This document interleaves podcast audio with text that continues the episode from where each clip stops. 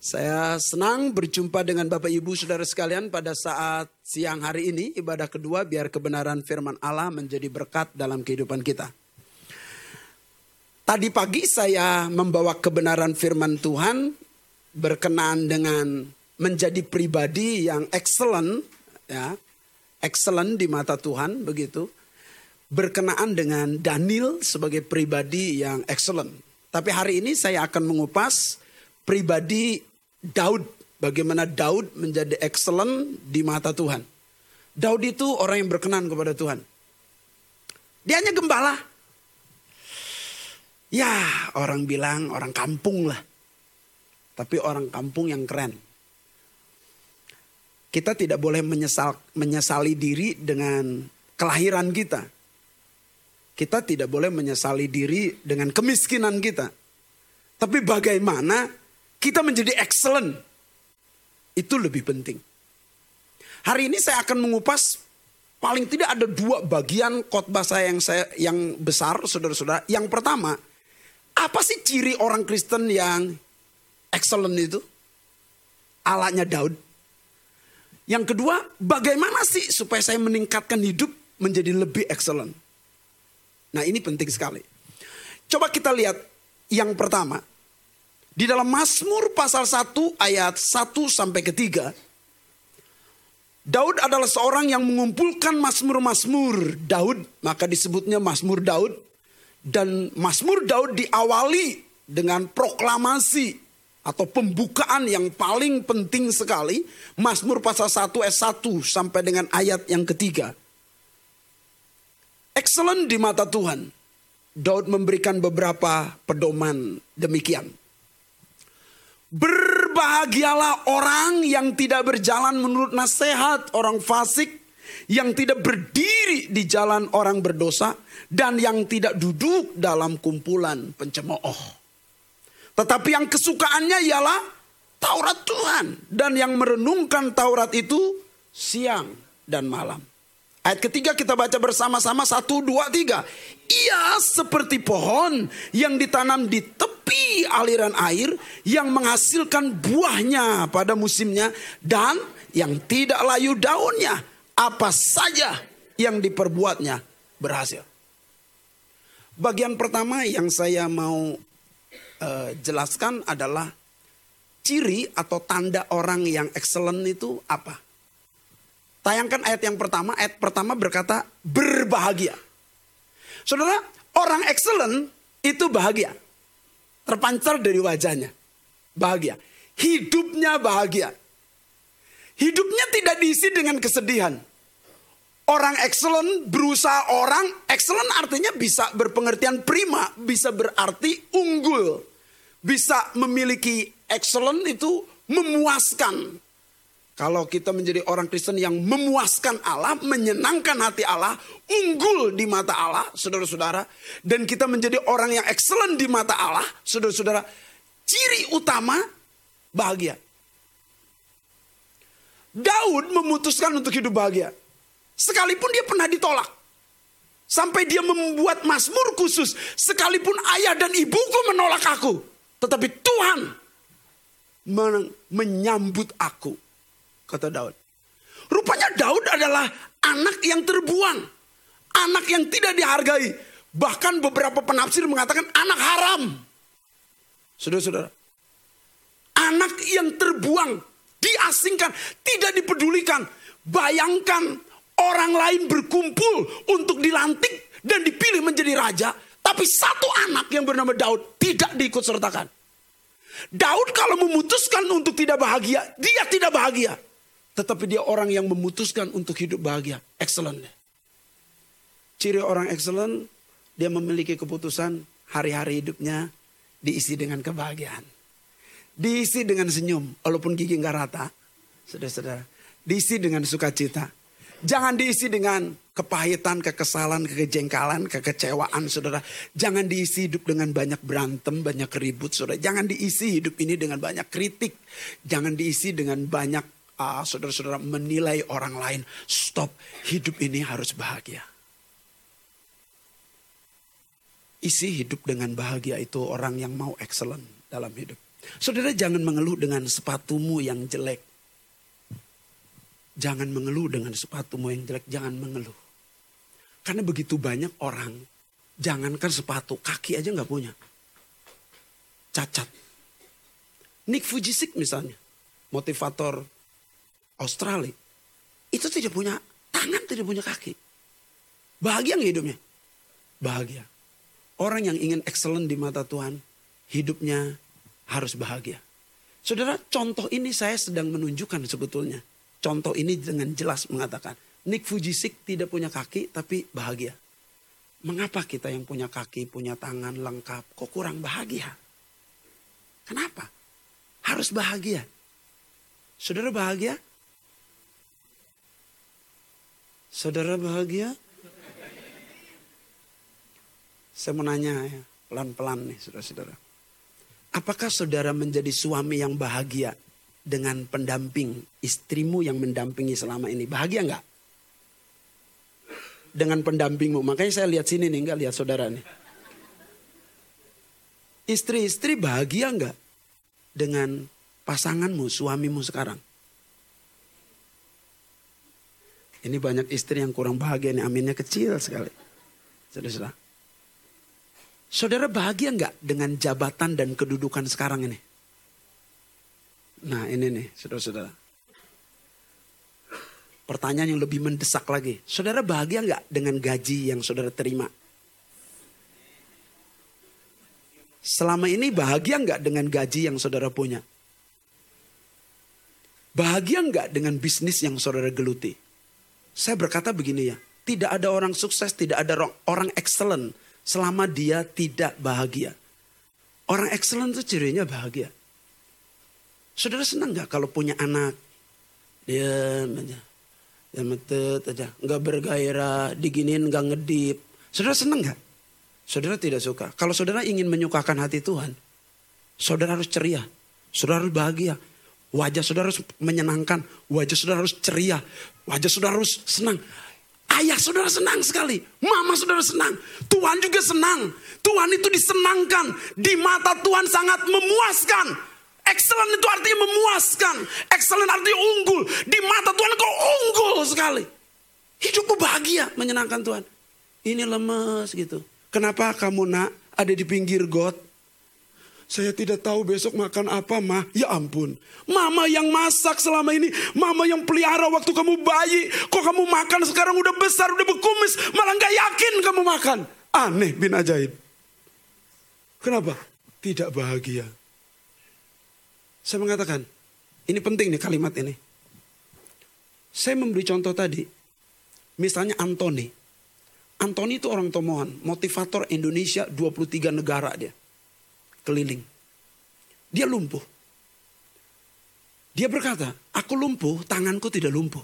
Dia pemain musik, programmer komputer yang canggih.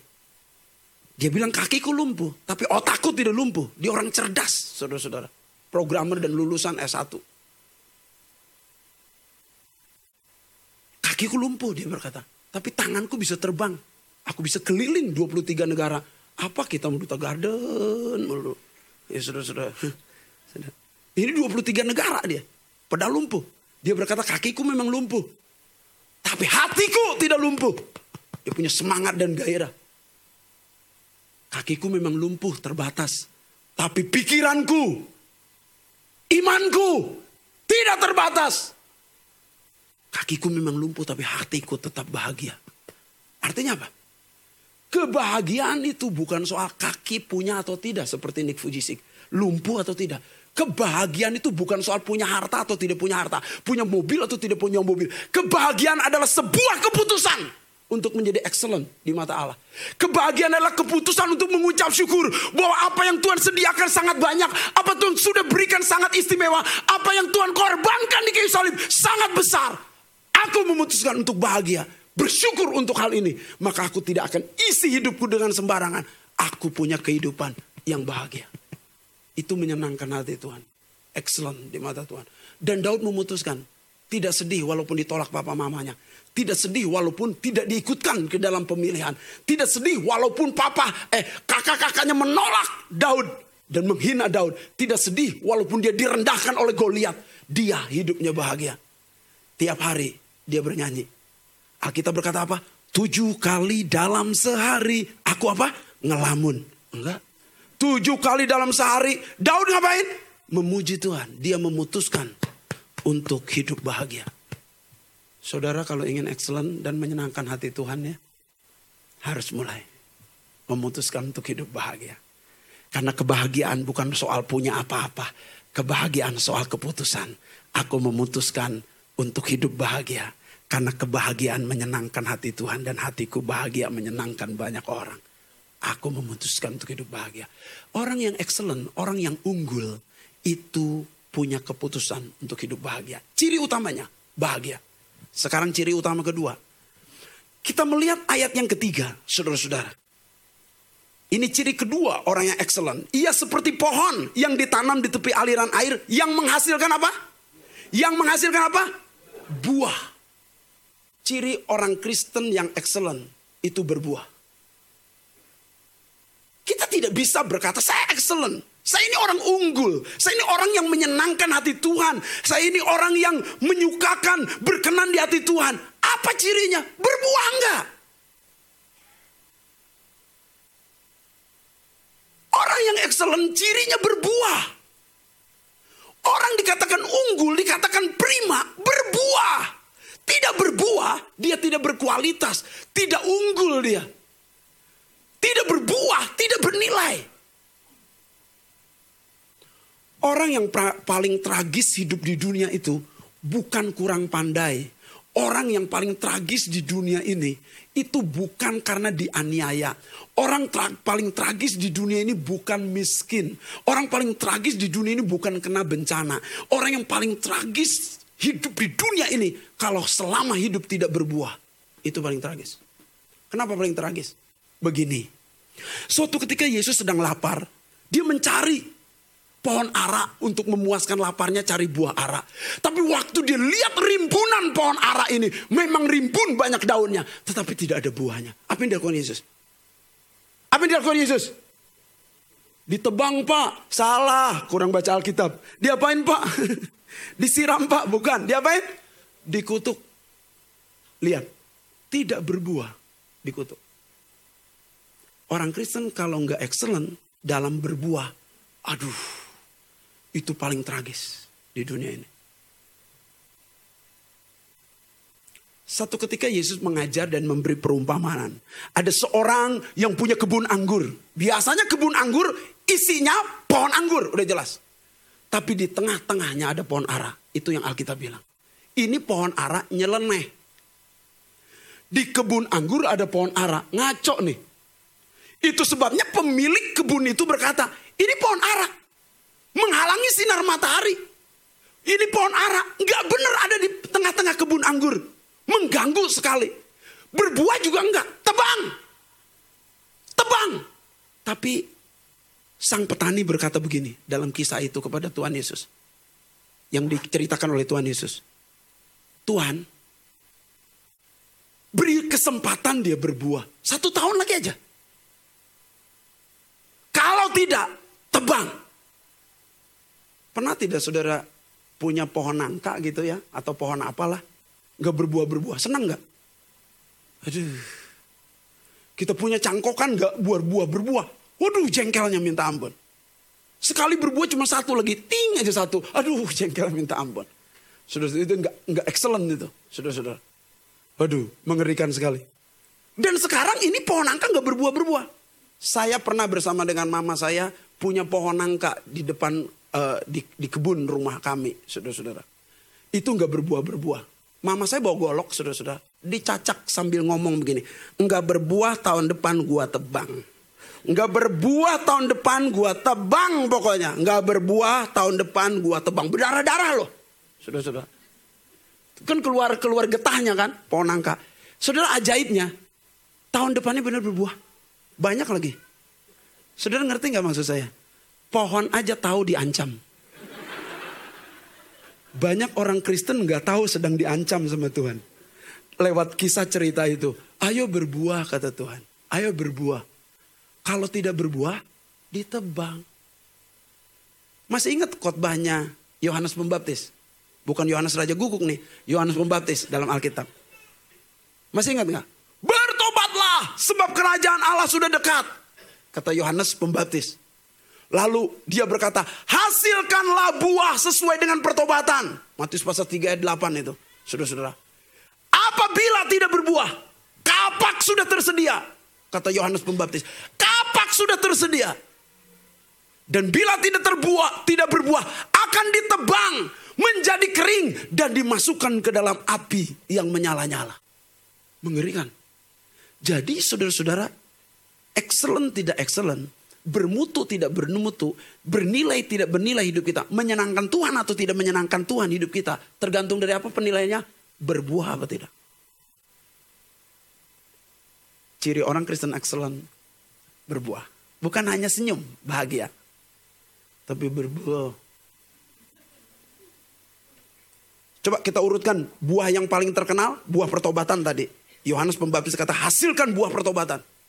Ayo hasilkan buah pertobatan. Paling tidak istri kita melihat, aduh suami saya sejak bertobat. Ih keren. Atau paling tidak istri kita melihat, wah suami saya udah bertobat. Aduh puji Tuhan. Kalaupun diulang lagi hidup saya cari suami yang seperti ini lagi. Gitu kira-kira. Sudah-sudah aneh-aneh dikit nggak apa-apa. Sudah-sudah.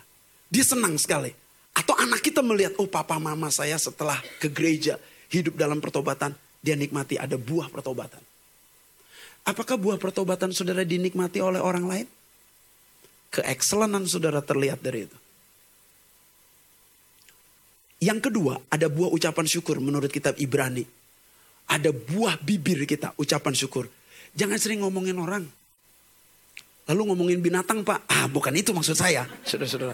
Ya, jangan menjelek-jelekan orang, mengkritisi orang. Aduh, nggak ada ininya. Kalau mau ngomong, membangun. Kalau mau ngomong, menghibur. Kalau mau ngomong, menguatkan. Kalau mau ngomong, memotivasi. Kalau mau ngomong, saudara lakukan hal yang hebat. Mendorong, memberi arahan, memberi bimbingan. Saudara kalau ngomong, ngomong tentang iman. Kalau ngomong firman Allah. Kalau ngomong sesuatu yang baik. Jangan mengeluarkan kata-kata dan kalimat yang tidak benar. Itu sebabnya Daud, dia membatasi bibirnya. Bibirnya dipakai untuk memuji Tuhan. Bibirnya dipakai untuk bermasmur. Bibirnya dipakai untuk bersyukur. Bibirnya dipakai untuk memuji Tuhan. Dia putuskan itu. Karena dia tahu buah dari orang excellent salah satunya di bibirnya. Dan dia memutuskan untuk memuji Tuhan. Lihat dia ngarang lagu, lihat dia mengumpulkan lagu-lagu. Mazmur ini ada 150 pasal. Ada 2527 ayat, saudara-saudara. Kalau nggak percaya hitung aja. Dan Mazmur ini tokoh yang mengumpulkan dan Mazmur di Israel terkenal dengan Daud. Kalau orang berbicara Mazmur, kalau orang berbicara nyanyian, kalau orang bisa bicara memuji Tuhan, kalau orang berbicara haleluya, pasti berhubungan dengan Daud. Karena Daud memutuskan untuk berbuah soal bibir. Saudara gimana? Banyak ngomel, banyak bersungut-sungut. Kok nggak ada yang benar tuh? Banyak ngomel atau banyak bersungut-sungut? Bersungut-sungut, ngomel, atau memuji Tuhan? Berbuah. Ucapan syukur. Ada buah pertobatan, ada buah ucapan syukur, buah bibir. Ada buah yang berikutnya namanya buah karakter. Ada buah karakter. Saudara semakin lebih diberkati, semakin rendah hati. Semakin pinter, semakin rendah hati. Itu buah karakter. Semakin saudara dipercayakan banyak tugas tanggung jawab, semakin dipercaya, semakin setia. Itu buah karakter. Semakin banyak pergumulan, semakin sabar. Itu buah karakter. Sampai-sampai dia ngomong ke tetangganya, mertua kita ngomong ke tetangganya. Eh, lu tahu nggak menantu gua yang satu itu sabarnya luar biasa. Artinya apa? Mertuanya menikmati buah karakter. Itu namanya berbuah. Jangan, menantu gua tuh, eh, Gua kalau ketemu mendingan ketemu anjing daripada dia. Wah ini nggak benar nih. Nggak ada hasil buah pertobatan. Ada buah pertobatan. Ada buah karakter. Ada buah bibir. Ucapan syukur. Ada buah yang berikutnya. Buah pelayanan namanya. Buah pelayanan itu menjangkau jiwa, itu buah pelayanan. Melayani seperti ini, ini buah pelayanan. Apa yang kita hasilkan dari pelayanan kita? Itu harus ada. Ada buah pelayanan. Kira-kira ya, ini maaf aja, contohnya agak radikal. Karena di sini salah satunya uh, memuridkan orang percaya dan membangun generasi yang radikal, begitu kan. Contohnya agak radikal. Kalau kita meninggal, ini andaikan kita meninggal. Orang ingat apa tentang kita? Apakah orang hanya berkata begini, oh ini jantung nih, jantung kayaknya. Dokter bukan apa bukan, cuman so tahu aja dia jantung nih, jantung. Semua orang mati juga karena jantung pasti tidak berdetak lagi, udah pasti sih. So tahu aja dia, saudara-saudara. Atau orang hanya berkunjung begitu lihat saudara wajah saudara, udah hitam amat ini mah. Oh ini kesambar geledek kayaknya nih. Oh gitu gitu. Hanya begitu atau ada orang yang nangis dekat peti jenazah saudara. Dia berkata begini, Aduh kalau nggak ada dia nih. Memperkenalkan Kristus kepada saya. Saya sudah dari dulu binasa. Kalau dia nggak memperkenalkan Kristus kepada saya, saya orang terhilang. Untung ada orang ini yang mendoakan dengan sabar mengunjungi saya. Saya tolak, saya usir. Tapi orang ini datang. Aduh, Tuhan terima kasih buat orang ini. Ini berbuah namanya, buah pelayanan. Atau malah saudara berkata, ah emang dia orang yang brengsek nih. Aduh, lebih cepat lebih bagus nih. Lah tambah berdosa aja kalau lama-lama hidup. Tuhan emang maha baik kata dia. kelihatannya kelihatannya rohani, padahal nyukurin dia mati loh. Idi, itu orang Kristen tuh. Ngeri banget begitu, sudah-sudah. Hasilkan buah loh. Buah saudara orang saudara orang baik ya, dipuji orang loh. Tapi kalau saudara nggak baik buahnya, eh, dinajis-najisin loh, saudara-saudara. Iya. Sampai udah mati aja nggak mau ketemu saudara-saudara. Saya emang nggak mau hadir di, di, di kematian dia. Ya, sampai di sorga pun kalau ada dia gue mau ke neraka lagi lah. Gitu. Mengerikan sekali saudara-saudara begitu. Kenapa? Karena hidupnya tidak menghasilkan buah. Ya, berikutnya. Itu ada buah pertobatan, ada buah bibir ucapan syukur, ada buah karakter, ada buah pelayanan. Yang kelima, ada buah karya. Orang menyebutnya buah kehidupan. Ada hasil yang dikaryakan. Makanya Alkitab bilang ia seperti pohon yang ditanam di tepi aliran air yang menghasilkan buah. Apa? Hasil karya kita. Saudara, tidak bisa seorang wanita berkata begini, saya ini orangnya senang sekali masak loh. Saya ini senang sekali bikin kue loh. Nah, ibu bikin kue apa? Nggak ada sih. Kamu pernah makan kuenya ibu itu? Enggak. Nah, omong kosong yang begini. Omong kosong begini. Ini tidak excellent. Orang yang excellent tuh dinikmati hasil karyanya. Kalau sudah bikin kue, saya mengecap kuenya. Ini nggak pernah ngecap bagaimana dia bisa dia menghasilkan kue katanya. Bu, omong kosong, nggak bisa. Ada hasil karya. Kalau saudara pengarang lagu, ada lagu yang dihasilkan. Kalau saudara penyanyi, ada nyanyian tembang kenangan kayak apa kayak lah begitu saudara-saudara yang dinyanyikan. Kalau saudara pelukis ada lukisannya. Kita tidak bisa berkata oh saya ini pelukis, saya ini pelukis, saya ini pelukis tahu nggak? Saya ini pelukis. Mana hasil lukisannya? Ih saya melukisin di pikiran saya.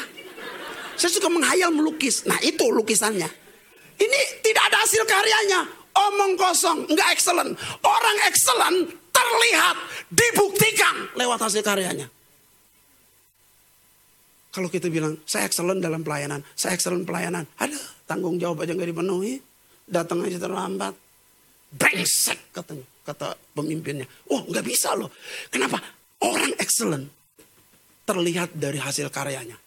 Itu terbukti dari apa hasil karya? Kinerja. Makanya tadi saya berkata bahwa kalau Daniel kinerjanya hebat sekali. Dia memperbaiki diri terus tiap hari. Daniel itu kinerjanya baik sekali. Kekudusannya, kesuciannya diperbaiki tiap hari, saudara-saudara. Kesetiaannya diperbaiki tiap hari. Wah, excellent sekali Daniel.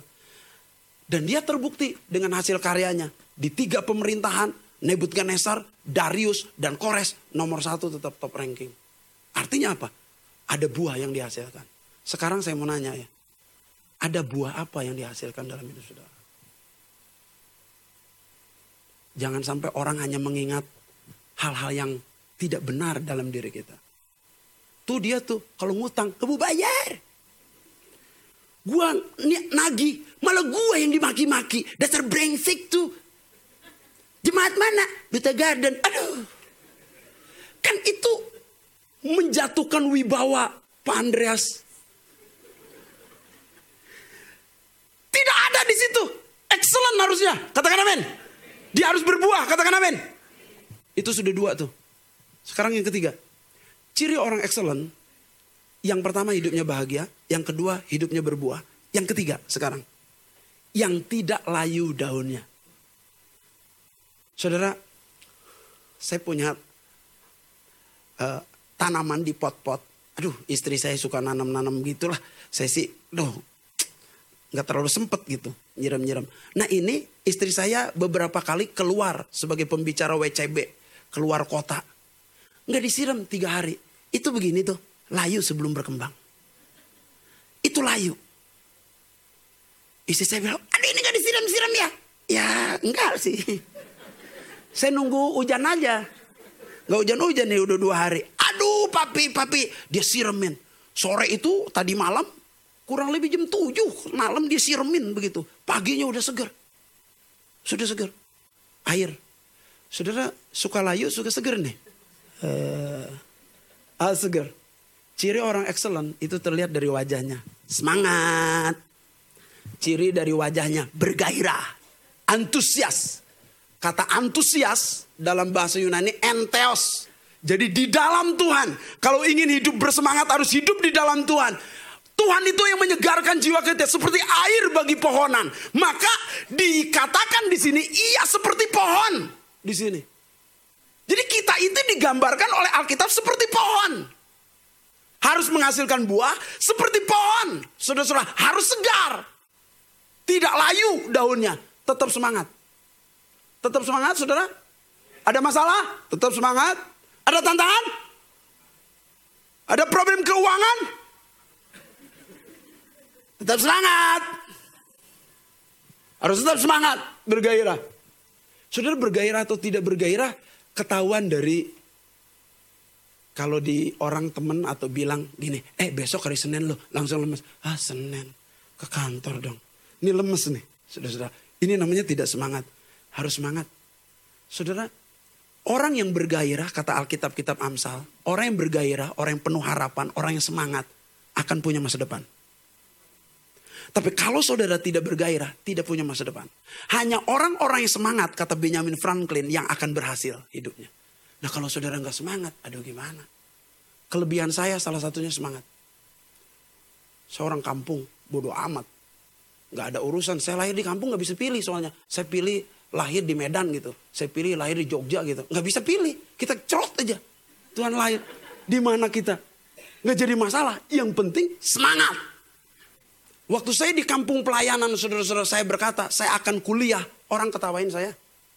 Waktu saya berkata, saya akan pergi ke Jakarta. Orang ketawain saya, nggak mungkin gitu. Tapi ternyata mungkin. Semangat, harus bergairah. Orang lain berkata, mana mungkin Pak Apin uh, bisa membuat album. Mungkin. Saya buat, saudara-saudara. Sekarang sedang proses album ketiga, saudara-saudara.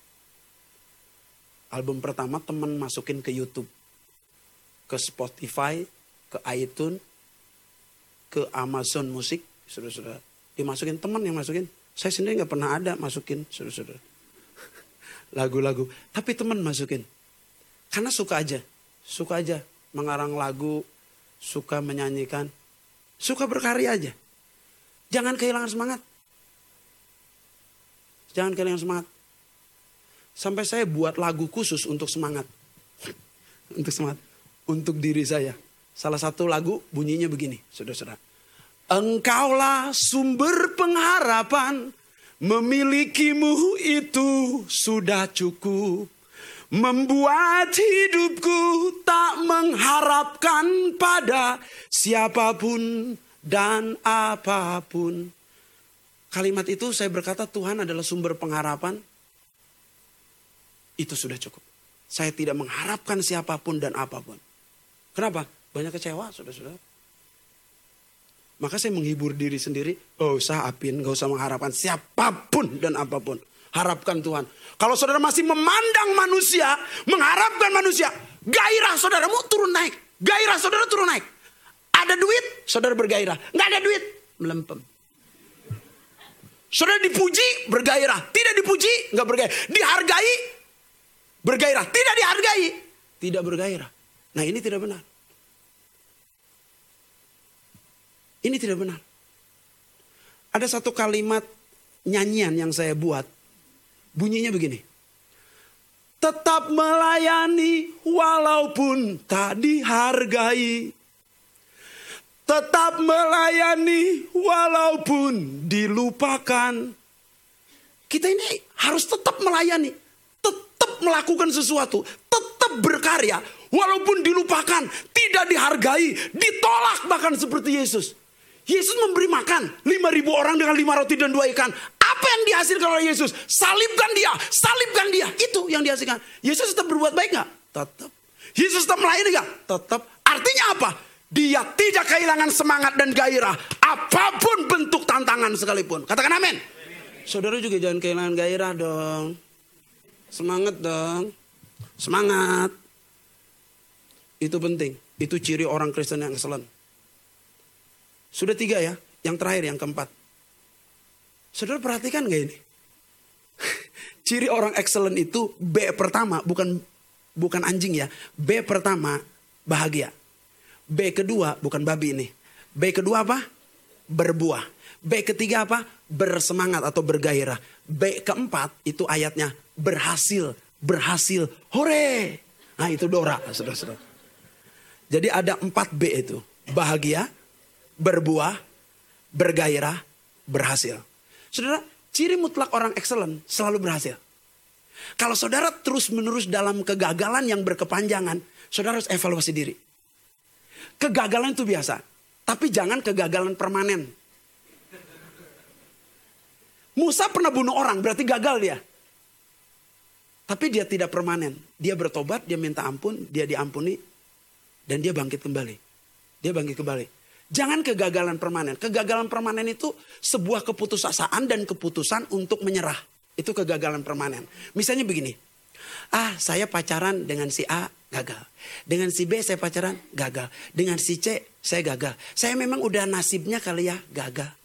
Lah saya muda nggak mau menikah, ada orang yang mau pacaran lagi juga, kagak mau. Dasar setan semua pria-pria. Saya nggak mau. Dia memutuskan untuk tidak menikah. Dia ini kegagalan permanen. Dari kegagalan-kegagalan akhirnya memutuskan kegagalan permanen. Lihat buat-buat skripsi. Yang S1 yang yang buat-buat skripsi. Ini ini bener nih, serius. Saya mengalami karena saya bagian kemahasiswaan. Ini ada orang gagal buat skripsi. Gagal buat skripsi. Semester yang berikutnya gagal buat skripsi. Semester berikutnya gagal buat skripsi. Terus gagal buat skripsi. Akhirnya memutuskan, ah saya memang nggak, kayaknya nggak ditakdirkan S1 deh. Gagal buat skripsi, gagal terus. Kayaknya pembimbing mana pun saya gagal terus. Kayaknya saya sudah ah, tidak mau buat skripsi. Ini namanya kegagalan permanen. Siapa yang membuat kegagalan permanen? Dirimu sendiri dirimu sendiri. Kegagalan permanen itu keputusan sendiri. Walaupun dia menilai orang lain. Kakek saya bercerai, papa saya punya tujuh anak, kakek saya punya tujuh anak, termasuk papa saya. Papa saya bercerai. Semua dari saudara papa saya bercerai. Dan papa saya punya anak empat, termasuk saya, anak keempat. Tiga sudah bercerai, maka saya pun pasti bercerai. Ini goblok. Kok kegagalan permanen kok di, di, dijadikan pedoman gitu? No, no, no, no. Boleh orang lain gagal, tapi di dalam Kristus kita pasti berkemenangan. Di dalam Kristus pasti kita menang. Di dalam Kristus pasti berhasil. Pasti. Jangan memutuskan untuk jadikan permanen. Saudara-saudara. No, lihat. Abraham miskin, tapi akhirnya berhasil luar biasa. Kaya luar biasa pada sejamannya. Lihat Orang-orang seperti Daud memang dikejar-kejar 14 tahun oleh Saul. Rasanya nggak punya masa depan. Orang lain bilang gagal. Jadi buronan. nggak mungkin jadi orang sukses. Tapi akhirnya berhasil dia. Saudara-saudara. Lihat Daniel sendiri. Daniel orang buangan. Orang tawanan. Tapi dia sukses terus. Berhasil. Saudara-saudara. Pendek kata saudara-saudara. Orang-orang yang hidup di dalam Tuhan yang hidup secara excellent dijamin karena dia hidup ditanam di tepi aliran air. Ada jaminan pasti sukses, pasti berbuah, pasti bahagia, pasti dia tidak akan layu daunnya. Dia bergairah. Itu sebuah kepastian. Hanya kita saja yang memutuskan sering kali gagal. Tuhan menetapkan kita apa? Lebih daripada pemenang. Tapi kita sering berkata, Tuhan engkau menetapkan lebih dari pemenang. Gue pikir-pikir menang dari apa? Gue gak ada menang-menangnya Tuhan. Gue pecundang lalu dia memutuskan. Gue emang begini. Orang lain sih menang memang. Tapi gue mah beginilah. Dia putus asa. Gak berhasil. Maka kegagalan permanen itu menyebabkan kegagalan menyeluruh. Sampai bisnis gagal, pacaran gagal, berkeluarga gagal, bercerai. Kehidupan gagal, pelayanan gagal. Sampai-sampai bunuh diri pun gagal. Karena memang hidupnya nggak pernah sukses, saudara-saudara. Mengerikan sekali. Ayo, sudah ya, sudah empat ya. Ciri orang excellent, bahagia. Kedua, berbuah. Ketiga, bergairah. Keempat, berhasil. Hore, kira-kira begitu. Sekarang, Pak saya ingin meningkatkan kehidupan saya excellent betul-betul. Bukan hanya standar hidup saya, Bukan hanya the best, tetapi saya ingin excellent. Bahkan kalau bisa di atas excellent, sempurna seperti Bapak di surga sempurna. Saya ingin excellent. Bagaimana Pak? Gimana? Saya hitung-hitung dari empat tanda tadi dari Pak Apin. Bahagia. Saya pikir-pikir evaluasi diri saat Pak Apin ngedeng khotbah nih sementara khotbah. Nggak bahagia-bahagia amat kayaknya saya. Berbuah pertobatan, berbuah ucapan syukur bibir, berbuah kehidupan, berbuah karakter, berbu berbuah karya. Aduh kayaknya saya sih kadang berbuah cul, kadang kagak Pak Pin. Semangat. Aduh kalau ngedenger hari Senin sih nggak semangat saya Pak Pin. berhasil. Aduh cuman Dora doang kayaknya berhasil Pak Pin. Saya kurang berhasil. Gimana saya excellent nih? Ya perlu ditingkatkan. Gimana cara meningkatkannya? Daud memberikan pedoman. Peningkatan untuk hidup excellent. Ayat pertama, tayangkan. Berbahagialah orang yang tidak berjalan menurut nasihat orang fasik. Yang tidak berdiri di jalan orang berdosa. Yang tidak duduk dalam kumpulan pencemooh. Coba perhatikan ayatnya. Tidak berjalan. Berjalan, berdiri, duduk. Berjalan, berdiri, duduk duduk, berdiri, berjalan. Ini kan kita kan kalau berjalan capek berdiri, terus duduk. Habis duduk capek, berdiri, terus berjalan. Ini berbicara apa? Berdiri, duduk, berjalan, berjalan, berdiri, duduk. Ini berbicara apa? Bukan robot nih. Saudara, ini berbicara apa? Kegiatan setiap hari. Kesehari-harian kita sebetulnya sedang berbicara. Bagaimana kesehari-harian kita ini menentukan hidup kita excellent. Gimana caranya? Saudara, ini caranya.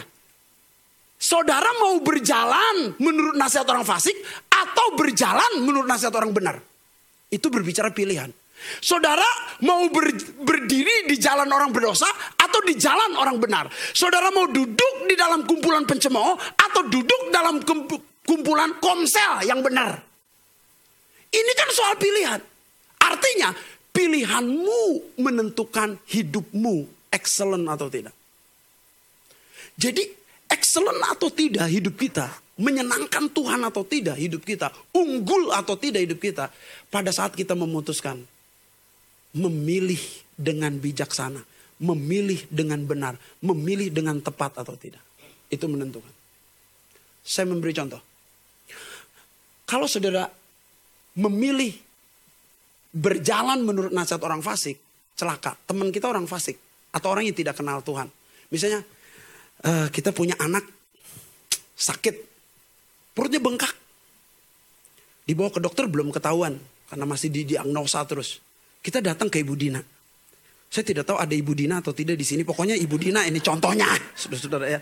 Ibu Dina, Ibu Dina, anak saya sudah dibawa ke dokter tiga hari ini. Udah ketahuan sakit apa? Enggak, enggak tahu sakit apa. Nah, jangan-jangan disantet. Nah ini nih, kalau nasihat orang fasik begitu. Lu pernah ke dukun enggak? Gue punya kenalan di dukun nih. Lu datang ke dukun. Nah itu. Kalau kita berkawannya tidak benar, kita memilih berjalan menurut nasihat orang fasik, celaka. Maka kalimatnya tidak berjalan menurut nasihat orang fasik. Jangan artinya. Artinya apa? Lu pilih yang benar. Pilih yang benar. Karena pilihanmu menentukan kualitas hidupmu. Pilihanmu menentukan engkau excellent atau tidak. Ini jangankan memilih kawan ya, memilih untuk duduk berjalan aktivitas-aktivitas yang istimewa. Aktivitas yang sederhana aja. Soal milih makanan aja. Saudara memilih, milih gorengan atau milih makanan sehat. Milih makanan sehat, umur panjang. Milih gorengan, makanan tidak sehat, cepat kolesterol, game over dan stroke. Saudara milih mana? Ini pilihan saudara aja menentukan saudara excellent atau tidak loh. Ini hal kecil. Kebanyakan kita sudah tahu kok makanan sehat. Tapi kita tetap tergoda. Nggak apa-apa gorengan. Seorang dokter muda di Youtube memberikan solusi untuk makan gorengan. Tidak meningkatkan kolesterol. Caranya sangat mudah. Beli gorengan yang banyak, taruh di atas meja. Ta, lalu buatlah saudara-saudara sambal kacang. Wah enak, harum baunya. Sediakan makanan sehat Lalu celupkan itu gorengan ke sambal kacang, cium, taruh lagi, makan makanan sehat. Celupkan lagi, cium, hmm, taruh lagi, terus makan makanan sampai engkau kenyang. Engkau pasti tidak meningkat kolesterolnya dan sehat. Saya bilang, aduh ini malah sembarangan dia ini. Dia berkata, iya yang namanya gorengan, apalagi penggorengannya. Bikin susah masa depanmu kata dia. Dengan cara apa pun gak bisa. Maka kalau orang excellent ini udah tahu lah dia. Lalu dia milih yang benar. Karena pilihan saudara itu menentukan. Saudara unggul atau tidak, excellent atau tidak hidup saudara. Itu soal pilihan makanan loh. Apalagi milih istri, milih suami. Maaf nih yang sudah menikah ya. Yang sudah menikah terima aja pasangan saudara apa adanya. Tapi yang belum menikah nih saya memberitahu ya. Saudara kalau memilih pasangan hidup, pilih yang benar loh. Karena itu menentukan kebahagiaan saudara, menentukan buah saudara, menentukan semangat hidup saudara, menentukan berhasil atau gagalnya saudara, menentukan excellent atau tidak saudara ini. Misalnya, kalau saudara memilih suami dokter, kita tidak sekolah kedokteran pun dipanggil ibu dokter loh. Keren kan? Kebahagiaannya kebahagiaan seorang ibu dokter. Karena menikahnya dengan dokter. Apakah kita dilarang pak menikah dengan tukang ojek? Enggak dilarang. Apakah dosa menikah dengan tukang ojek? Enggak berdosa. Tapi kebahagiaannya beda. Tuh, tuh, tuh. Yang dia ojek online itu tuh. Tuh istrinya yang tukang ojek online. Kali aja suaminya masih ada di situ tuh. Gitu. Saudara senang. Senang mana? Excellent saudara. Tergantung pilihan saudara loh. Kalau saudara memilih. Dia ganteng memang. Tapi penjudi. Rasakan loh 50 tahun. Stresnya. Kecuali saudara, dia udah meninggal duluan. Nggak sampai 50 tahun pernikahannya. Selama umurnya panjang, hmm, nikmati di situ ya. Kalau menikah dengan penjudi, nikmati aja udah. Nikmati aja.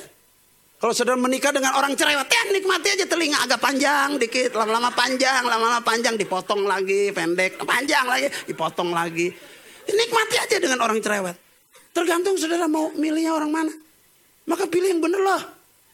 Pilihanmu menentukan engkau excellent atau tidak. Saudara, coba pilihan kegiatan ya. Saya memberi contoh yang sederhana, pilihan kegiatan. Saudara mau kegiatan saudara isi dengan main FB lama-lama, atau nonton YouTube lama-lama, atau main game, PUBG lama-lama.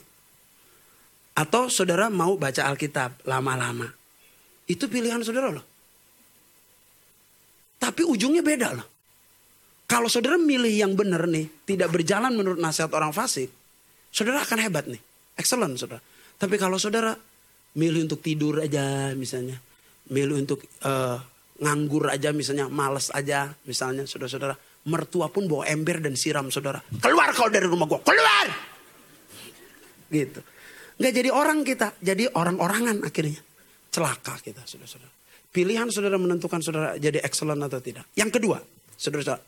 Ayat yang kedua perhatikan. Tetapi yang kesukaannya ialah Taurat Tuhan. Kesukaannya Taurat Tuhan. Kesukaan itu apa? Kesenangan. Kesenangan itu apa? Hobi nama lainnya. Hobi saudara menentukan excellent atau tidak. Hobi apa saudara? Itu menentukan excellent atau tidak. Kalau ditanya, hobi apa pak? Hobi apa bu? Makan bakso. Nah, itu lapar namanya bukan hobi. hobi apa? Yang saya maksud hobi adalah keterampilan, talenta, bakat yang saudara sukai dan saudara geluti sampai bisa membuat saudara excellent. Misalnya, saudara suka musik, geluti musik.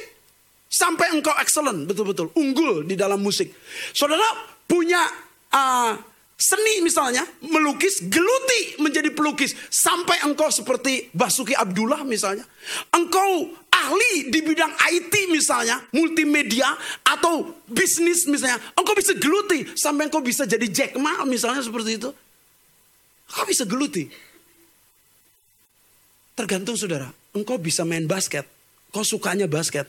Ini dikembangkan sungguh-sungguh. Sampai engkau jadi ahli, jadi pemain basket seperti Michael Jordan misalnya. Jangan cuma gebluk, gebluk, gebluk, gebluk, gebluk, gebluk. Masa depannya juga gebluk, gebluk bunyinya. Lama-lama gemblung, gemblung, gemblung loh katanya gitu bunyinya. Beda. Jadi jangan tanggung-tanggung loh. Hobi kita dikembangkan, itu akan membuat kita excellent atau tidak. Karena itu akan menopang pelayanan, menopang masa depan, menopang kehidupan kita. Hobi kita apa? Ngomongin orang pak, ah itu bukan hobi itu. Itu agak ketularan sifat setan. Jadi bukan itu, saudara-saudara. Hobi saudara. Tapi ngomong-ngomong, ini yang perlu diperhatikan kalimat ini. Saudara hobi seni, melukis, menggambar atau apa, is okay. Saudara hobi olahraga, is okay. Nggak ada yang salah dengan itu. Saudara hobi bisnis atau hobi pengembangan keterampilan lain, is okay. Hobi saudara-saudara untuk melakukan sesuatu, is okay. Tetapi ada hobi yang bisa memaksimalkan hidup saudara lebih excellent. Hobi itu sudah dipatok oleh Alkitab. Namanya apa? Suka firman Tuhan. Kesukaannya Taurat Tuhan. Ini hobi yang sudah dipatok Tuhan. Saudara mengembangkan hobi lain nggak jadi masalah. Tapi jangan lupa engkau harus hobi firman Allah. Itu yang akan membuat engkau semakin excellent. Lebih dari apa pun. Itu yang dipatok Allah. Jadi boleh mengembangkan hobi kita? Boleh. Tapi kesukaan kita akan firman Allah harus lebih tinggi dari apa pun hobi kita. Katakan amin. Pak, tapi kalau saya lihat Alkitab Pak, aduh tebal sekali Pak. Saya belum baca juga ngantuk pak. saya baca sambil tidur. Eh Alkitab yang baca saya. Bukan saya baca Alkitab. Karena bacanya sambil tidur gini kan. Alkitab yang baca kita. Bukan kita yang baca Alkitab. Mengerikan sekali. Sudah-sudah. Bagaimana suka firman Allah? Saya cepat ya. Ada tiga pedoman untuk suka firman Allah. Yang pertama, suka tidak suka baca. Supaya saudara mengembangkan hobi saudara akan firman Allah. Suka tidak suka? Baca. Hobi kedua. Supaya kita hobi firman Allah. Rumusan kedua. Jangan makan kalau belum baca Alkitab. Itu rumusan kedua. Jangan sarapan kalau belum baca Alkitab. Rumusan ketiga yang gak boleh lupa. Jangan kompromi Jangan kompromi apa? Jangan kompromi dengan dua rumusan di atas. Suka nggak suka? Baca. Kedua, jangan makan kalau belum baca Alkitab. Jangan kompromi dia itu. Harus begitu. Saudara ingat ya. Kapan saudara suka baca Alkitab? Kapan? Lalu jawabnya kapan, kapan. Saudara kapan suka baca Alkitab? Semua orang nggak suka. Bahkan pendeta pun tidak suka baca Alkitab. Gimana caranya supaya suka? Paksa. Paksa. Bagaimana saudara bisa suka matematika? Suka baca? Orang tua kita paksa. Duduk sini. Iya, Pak. Bilang ini BA. Mbak. B. B. Sambungin. BA. B. BA, ba, BIB. Bagong. Salah, babi. Gitu. Nangis kita. Nggak suka seperti kita. Tapi lama-lama bisa nggak? Kenapa bisa-bisa? Karena dipaksa. Indonesia ini semua generasi dipaksa. Kalau nggak dipaksa nggak bisa. Saya nih ya, bisa berenang karena dipaksa. Saya pernah diceburin orang, gelegep, gelegep, gelegep, gelegep. Itulah rumusan berenang yang sangat istimewa. Gaya batu namanya. Gelegep, gelegep, gelegep, gelegep. Sejak itu saya berpikir begini, waduh saya terpaksa nih caranya begini. Kalau dilemparin orang di laut saya mati ini. Gimana caranya? Belajar berenang karena terpaksa. Wah, bisa berenang. Di rumah saya ada 13 anak yang kami biayai untuk sekolah S1. Ada satu namanya Jessica. Itu nggak suka musik sama sekali. Nggak suka gitar sama sekali. Tapi di, di orang yang tinggal di rumah kami harus bisa alat musik. Satu atau dua alat musik. Kamu harus bisa. Nangis, nangis. Janganlah aku. Gak bisa. Maksain. Pokoknya satu jam belajar. Paksa ini. Bisa sekarang. Kudu dipaksa ternyata. Kudu. What's the meaning kudu? Harus. Bukan mengkudu nih. Kudu. Dipaksa. Kalau nggak dipaksa nggak bisa. Maka saudara harus memaksa. Siapa yang maksa? Pendeta. Salah. Kalau pendeta yang maksa saudara marah. Lalu tinggalkan gereja. Saudara harus maksa siapa? Maksa diri saudara sendiri. Siapa yang peduli rohani saudara? Saudara sendiri. Siapa yang peduli saudara masuk neraka atau tidak? Harusnya saudara sendiri. Jangan, gue mau gak dipeduli dong pendeta. Itu pendeta ke gimana? Eh, lu sendiri gak peduli diri lu. Kalau ini excellent, saudara peduli dengan diri saudara dong. Gimana caranya? Ayo paksa untuk suka baca Alkitab. Suka tidak suka, baca. Saudara, saya ini gak pernah mencintai istri saya. Kalau nggak pernah ketemu. Karena saya ketemu dengan istri saya. Kedip, kedip, kedip. Malu. Kedip, kedip, kedip. Agak lama liatin. Agak lama terus dideketin. Deketin. Terus jatuh cinta.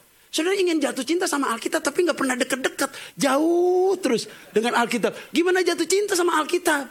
Orang deket aja kagak, lihat aja lirik kagak, saudara-saudara. Gimana jatuh cintanya? Deket dong, lihat dong, perhatiin dong, taruh di dada dong, dipeluk dong. Kan pacaran gitu. Walaupun sembunyi-sembunyi. Semakin dekat. Nah kita nggak mau memaksakan untuk dekat, nggak bisa. Lihat kalau pacaran, tanpa engkau aku mati. Iya, coba ngomong sama Alkitab. Tanpa engkau. Biasa aja. Nah, hati-hati loh. Firman itu Alkitab bilang manusia tidak bisa hidup dalam tanpa firman. Manusia tidak bisa hidup dari roti saja. Tetapi firman yang keluar dari bibir Allah loh.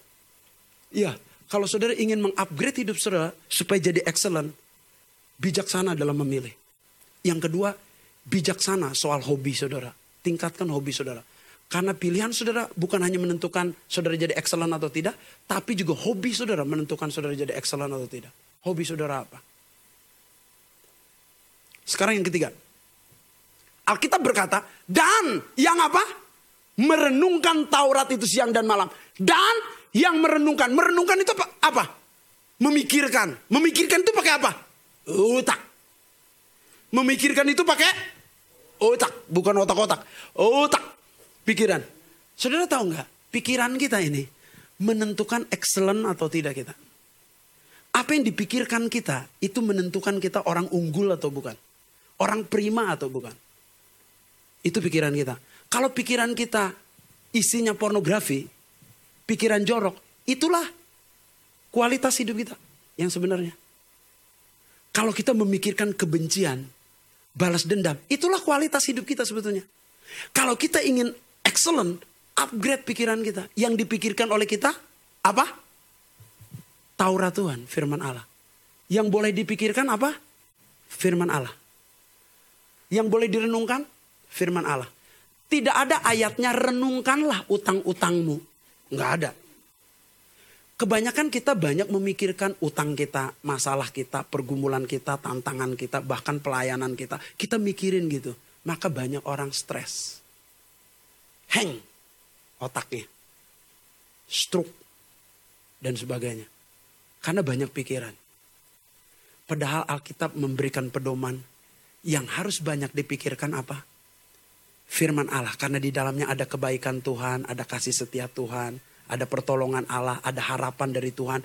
Iman kita jadi besar, hidup kita jadi besar. Pikiran kita memikirkan firman. Jangan memikirkan masalah dan pergumulan yang gak pernah ada akhirnya. Tapi pikirin cucian kita kapan ya dicuci ya. Udah nyuci, ah belum lagi nyetrika. Udah nyetrika ya belum ngepel. Gak pernah ada habisnya hidup ini. Kapan habis? Waktu mati. Habis sudah. Gak punya lagi memikirkan untuk hal itu. No, pakai pikiran kita. Saudara, otak kita ini seperti komputer memang lebih dari hebat dari komputer mana pun. Tapi otak kita seperti komputer, tapi terbatas juga. Kalau data dimasukin ke otak kita, data utang, data masalah, data pergumulan, data tante semua dimasukin. Lama-lama hang otak kita. Saudara pernah ketemu orang hang? Sering. Sering ketemu orang hang. Contohnya sederhana. Kacamata ditaruh di atas begini, dia cariin. Hang. Dia klik-klik di otaknya, di mana tadi ya kacamata? klik di mana ya diingat-ingat di mana tuh kacamata nggak inget-inget loh padahal ada di kepala kenapa bisa nggak inget hang error dia error diklik gimana nggak bisa inget saudara pernah nggak menaruh kunci menaruh apa nggak inget walaupun diinget-inget kenapa karena terlalu banyak data di kepala hang bagaimana supaya tidak hang Halo, yang perlu dipikirkan tuh perlu dipilah. Yang dimau dimasukin ke data tuh perlu dipilah. Yaitu apa? Firman yang dimasukin ke otak kita. Firman. Saudara tidak hang. Boleh nggak mikirin utang? Boleh, tapi porsinya dikit aja. Berapa persen dikit saja. Yang lebih banyak itu firman yang dipikirkan. Engkau akan excellent hidupnya. Pasti akan excellent. Karena saya pernah punya teman orang kaya, saudara-saudara. Cukup mengejutkan kisahnya waktu dia cerita, saudara-saudara Waktu dia pergi ke mall, saudara-saudara, lalu dia pulang dari mall. Terkejut sekali dia. Kenapa? Karena satu anaknya nggak ada. Ih, kok nggak ada anak saya satu? Ternyata ketinggalan di mall. Bayangkan begitu hengnya itu pikiran. Sampai anak aja ketinggalan. Lalu dia balik lagi. Anaknya sudah menangis. Lama sekali. Di pos satpam, di security. Nangis, saudara-saudara. Ini biasanya orang tua kehilangan anak. Ini anak kehilangan orang tua. Coba bisa begitu. Saudara, kenapa? Heng. Saya berkata ya, memang hidup ini banyak masalah. Memang hidup ini banyak problem. Tapi yang boleh dipikirkan, yang direnungkan, itu firman Allah. Engkau nggak banyak heng. Tapi kalau yang hanya dipikirkan masalah, saudara banyak heng. Maka Alkitab memberi pedoman, ayo renungkan firman Allah. Pikirkan firman Allah. Selain itu sedikit aja boleh dipikirkan hal-hal lain. Yang terakhir, yang keempat. Bukan hanya pilihanmu menentukan engkau excellent atau tidak. Bukan hanya hobimu, kesukaanmu menentukan saudara excellent atau tidak. Bukan hanya pikiranmu menentukan excellent atau tidak. Tapi yang keempat, waktumu menentukan excellent atau tidak. Perhatikan ayatnya. Dan merenungkan Taurat itu siang dan malam. Perhatikan siang. Siang ngapain? Kerja. Malam ngapain? Istirahat. Pasti umur panjang. Siang ngapain? Kerja apa? Malam ngapain? Istirahat. Pasti sehat. Siang ngapain? Berusaha pak, mikir pak. Terus kalau malam ngapain? Sudah istirahat. Maka bahagia. Saudara waktu saudara, penggunaan waktu saudara itu menentukan excellent atau tidak hidup saudara. Tanggal 22 saya, tanggal 21 saya kehilangan seorang bapak rohani namanya Dr. Suprapto Sapari. Itu juga eh, Gembala sidang saudara sering menyebutnya papi. Bapak rohani. Dr. Suprapto Sapari. 21 Mei yang lalu dia meninggal. Dia kanker. Setiap ketemu makan, tiga tahun saya mendampingi dia untuk uh, menghibur, menguatkan, mendoakan, membangun, makan bersama dengan Om Prapto. Tiga tahun sakit kanker. Selalu kalimatnya sama kalau ketemu. Apin, kalau diberi kesempatan kembali oleh Tuhan, Om mau melayani sungguh-sungguh. Kalau Om diberi kesempatan kembali oleh Tuhan, Om mau serius. Om mau melayani, Om mau mengasihi lagi, Om mau, tapi nggak ada kesempatan. Sudah malam, siangnya sudah berlalu. Ada masa-masa kita siang, apa pun kita bisa lakukan. Kerja, sehat, kuat, tapi satu saat saudara lemah. Tidak berdaya di tempat tidur. Itu udah mau malam tuh, mau malam. Sebentar lagi, tip, gelap. Karena waktu ini singkat, gunakan kesempatan dengan baik. Karena waktu ini singkat, saudara lakukan dengan baik.